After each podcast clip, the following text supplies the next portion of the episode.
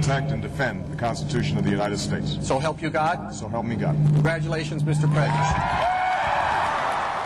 Barack Obama is geïnstalleerd als president van de Verenigde Staten.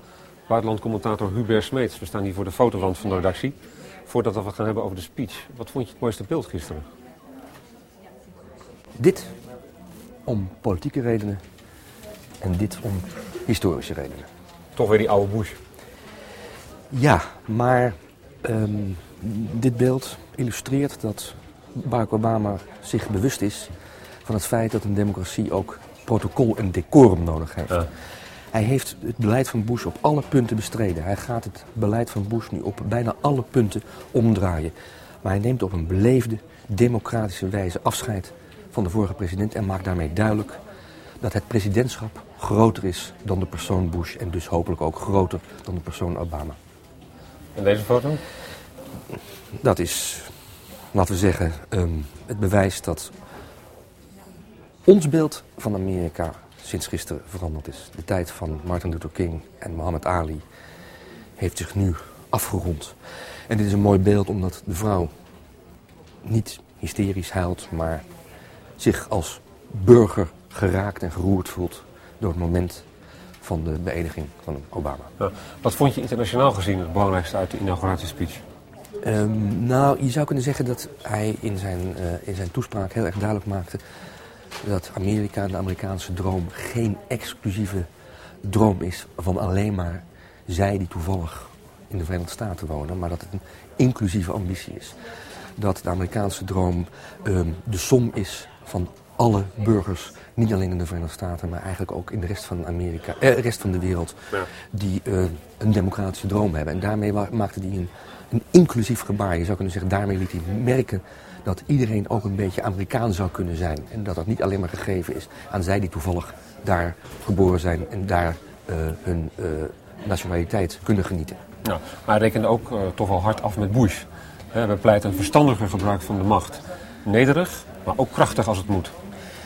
Ja, en eh, hij was in, in, in die zin, zou je kunnen zeggen, een, een, een president zoals we die kennen. De Verenigde Staten blijft uiteraard voor hem land nummer één. En hij is niet toe, en begrijpelijk ook, aan het idee dat eh, de Verenigde Staten zich zal moeten schikken in een rol op het tweede plan van de wereld. Maar eh, hij noemde een paar keer het woord rule of law. Hetgeen het beste te vertalen is in het Nederlands met rechtsstaat. En daarmee maakte hij toch wel duidelijk dat de rechtsstaat in zijn ogen fundamenteler is dan de eh, concrete dagelijkse belangen van eh, Amerika.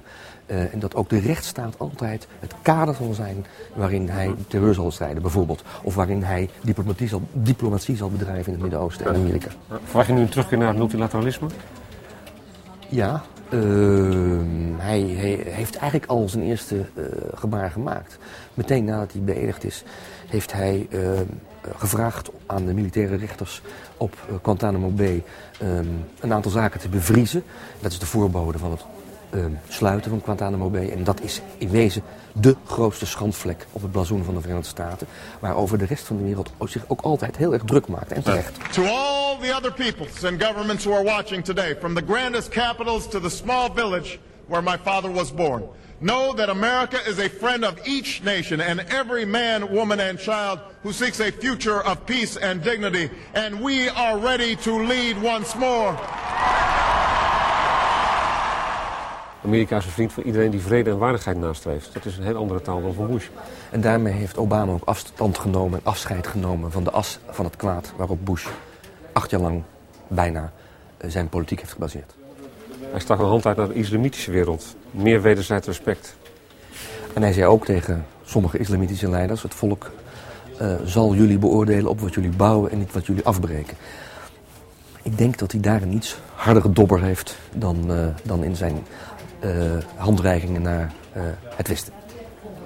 Want in de islamitische wereld is het breken nu veel meer een politieke norm dan het bouwen. En dat is ook logisch. Eh, na zoveel jaren van oorlog en geweld in Afghanistan, Irak en het Midden-Oosten. Ja. Midden-Oosten. Denk je dat hij meer evenwichtig Israël zal gaan aanpakken?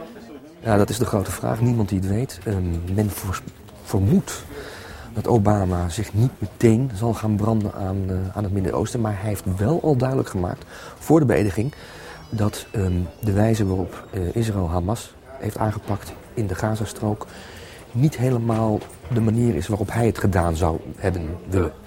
Met andere woorden, Israël moet rekening houden met een wat kritischer president in Washington dan de afgelopen acht jaar. Obama heeft aangegeven Amerika moet veranderen. Moet de wereld nu mee veranderen? Absoluut. Eh, de wereld heeft het eigenlijk acht jaar lang ontzettend makkelijk gehad. Die konden alles eh, in de schoenen schrijven van Bush. De wereld zal moeten veranderen en ik denk primair op het niveau van de bestrijding van de economische crisis. Want de diepte van die economische crisis en de breedte van die economische crisis is weliswaar nog niet helemaal duidelijk. Maar dat de economische crisis niet op nationaal niveau en zelfs niet alleen op Europees niveau of Amerikaans niveau kan worden bestreden, dat is zeker. En op dat punt zal de wereld mee moeten veranderen met eh, de Verenigde Staten. En daar ziet het nog niet helemaal naar uit. Want veel landen denken toch eerst aan hun eigen belang en aan hun eigen belastingbetalers. En dat is politiek begrijpelijk, maar economisch onverstandig. Nederland heeft nog niet thuisgegeven bij de sluiting van het martelkamp Guantanamo Bay. Wat vind je daarvan? Ik vind dat Nederland zich daar iets te makkelijk van afmaakt. Uh, eergisteren, maandag voor uh, de beëdiging, heeft Verhagen laten weten dat eigenlijk eventuele asielzoekers van Guantanamo Bay niet in Nederland op, uh, op welkom hoeven te rekenen.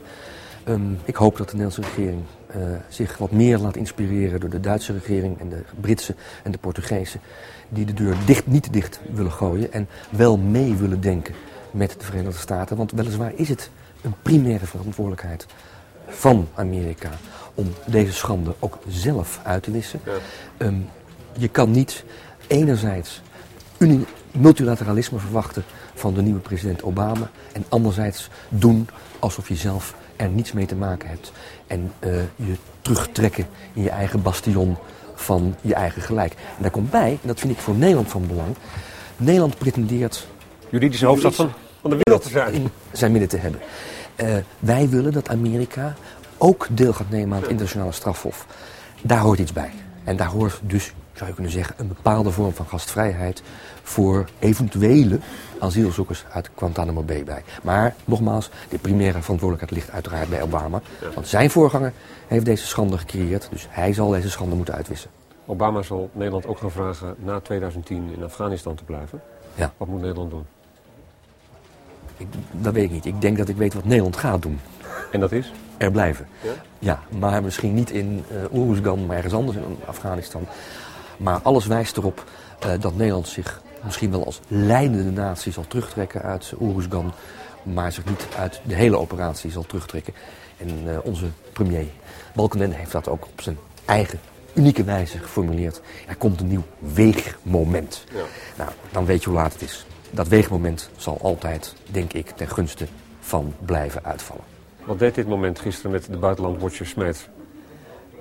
Um, nou, hoewel ik zelf geschiedenis ooit gestudeerd heb... en dus weet dat je nooit moet zeggen dat iets historisch is... en dat iets een nieuw moment is en een, een nieuw begin... had ik gisteren het gevoel, het onweerstaanbare gevoel... dat we een nieuw tijdperk uh, gaan betreden en dat dat gisteren begonnen is. Ik hoop dat ik gelijk heb. Ik hoop met andere woorden dat het sceptisch van de politicus en de sceptisch van de historicus um, niet zal worden. Let it be said by our children's children that when we were tested, we refused to let this journey end. That we did not turn back, nor did we falter. And with eyes fixed on the horizon and God's grace upon us, we carried forth that great gift of freedom and delivered it safely to future generations. Thank you. God bless you. And God bless the United States of America.